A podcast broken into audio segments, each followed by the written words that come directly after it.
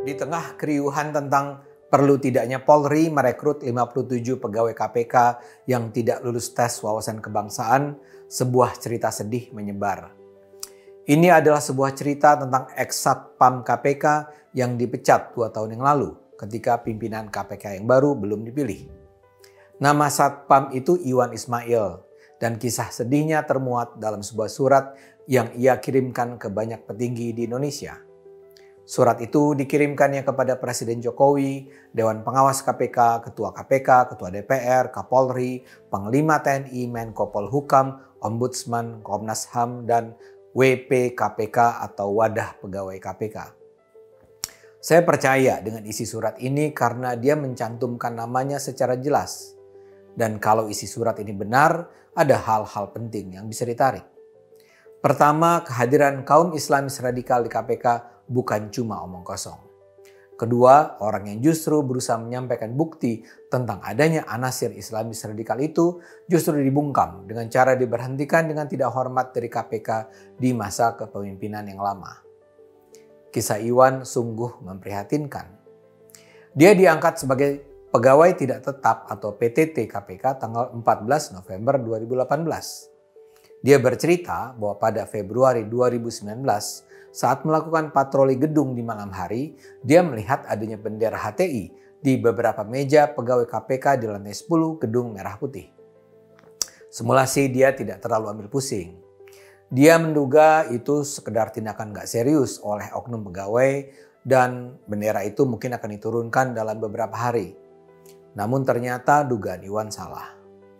Tujuh bulan kemudian, pada September 2019, ia kembali melihat bendera HT itu di meja yang sama.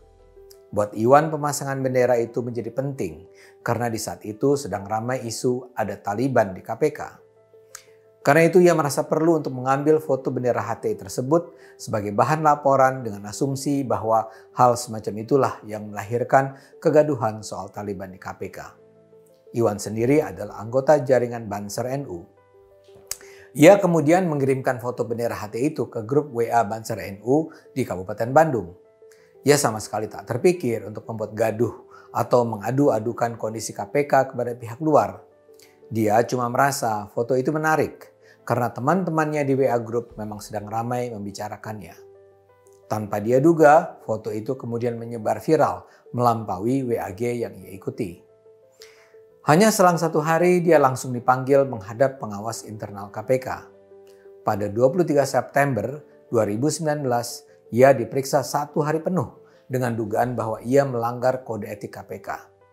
Dia diinterogasi, dia harus mengisi berita acara pemeriksaan. Iwan menjelaskan bahwa foto itu diambilnya sebagai bukti untuk disampaikan kepada atasan. Yang menarik ketika Iwan menyatakan bahwa dia berlatar belakang Banser NU, dia justru semakin gencar dihujani pertanyaan. HP Iwan sampai diambil dan chatnya di WA di screenshot sehingga pemeriksa bisa mengetahui data pengurus Banser mulai dari pusat hingga pimpinan anak cabang. Dalam interogasi tersebut, Iwan merasa memperoleh banyak pertanyaan yang menyudutkan. Misalnya, ia disangka sebagai orang kiriman ormas untuk menyusup di KPK. Sebagai aktivis NU, Iwan pun bertanya balik. Kalau dia adalah anggota Banser, apakah dia tidak boleh berbakti untuk negeri di KPK? Dia juga ditanya apakah dia orang yang dikirim kepolisian yang tentu saja dibantah Iwan. Setelah satu bulan tak ada kabar berita, pada Oktober 2019 dia kembali disidang. Kali ini pengadilan terhadapnya melibatkan seluruh anggota DPP, pengawas internal, sekretaris jenderal KPK, dan wadah pegawai KPK. Dalam sidang itu dikatakan bahwa penyebaran foto itu termasuk pelanggaran kode etik berat. Bahkan dikatakan apa yang dilakukan Iwan memperkuat adanya tuduhan tentang Taliban di KPK yang pada gilirannya mendorong revisi Undang-Undang KPK. Sidang menyatakan kalau Iwan ingin lepas dari tuduhan pelanggaran, ia harus menghadirkan orang-orang yang turut memviralkan foto bendera HTI serta menghadirkan tim ahli dari GP Ansor. Bila itu tidak bisa dipenuhi, Iwan akan langsung diberhentikan secara tidak hormat. Buat Iwan, pilihan itu mengada-ada. Betapa janggalnya kalau Iwan harus menghadirkan teman-temannya anggota WA Group untuk menjelaskan duduk perkara penyebaran foto tersebut. Apalagi kalau dia harus mencari tim ahli dari GP Ansor. Di sisi lain, Iwan merasa heran dengan proses penetapan pemberhentian. Menurut sepengetahuan Iwan, seorang pegawai tidak bisa diberhentikan begitu saja. Yang tertulis dalam buku panduan etik, sebelum seseorang diberhentikan, ia harus mendapat pembinaan pegawai dan pemotongan gaji terlebih dahulu. Di sisi lain, Iwan tidak paham di mana letak kesalahan berat yang dimaksud. Dia kan hanya mengambil foto dan mengirimkannya kepada WhatsApp grup. Iwan merasa bukankah hal yang dia lakukan justru akan membuka mata pimpinan KPK bahwa di dalam KPK memang ada anasir-anasir HTI. Lebih anehnya lagi, seusai sidang, dia dekati ketua wadah pegawai KPK yang menyampaikan permohonan maaf darinya dan juga permohonan maaf dari NB. Di dalam surat tersebut, Iwan tidak menulis siapa itu NB. Tapi saya duga itu adalah novel Baswedan. Iwan merasa diperlakukan tidak adil. Dia sempat meminta kepada pengawas internal agar dipertemukan dengan orang yang memasang bendera HTI, tapi permintaan itu tidak fasilitasi. Dia memang dihubungi oleh seorang dari tim jaksa penuntut umum KPK yang mengaku memasang bendera HTI dan meminta untuk bertemu secara pribadi di kantin KPK.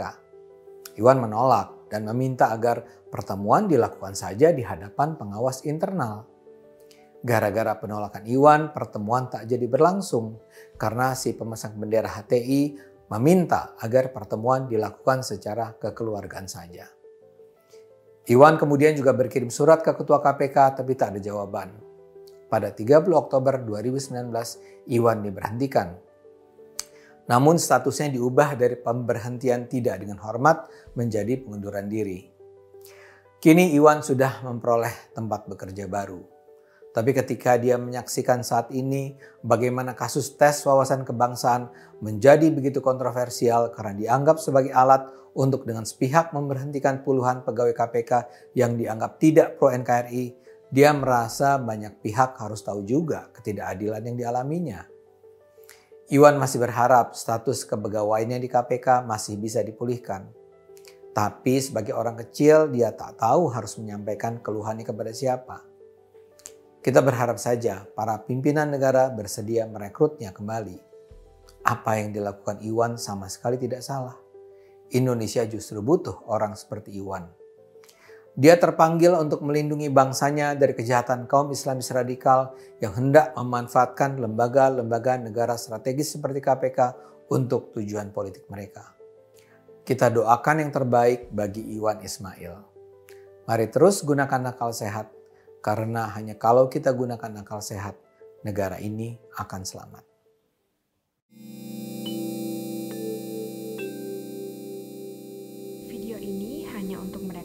punya logika. Bagi yang tidak punya logika, skip aja.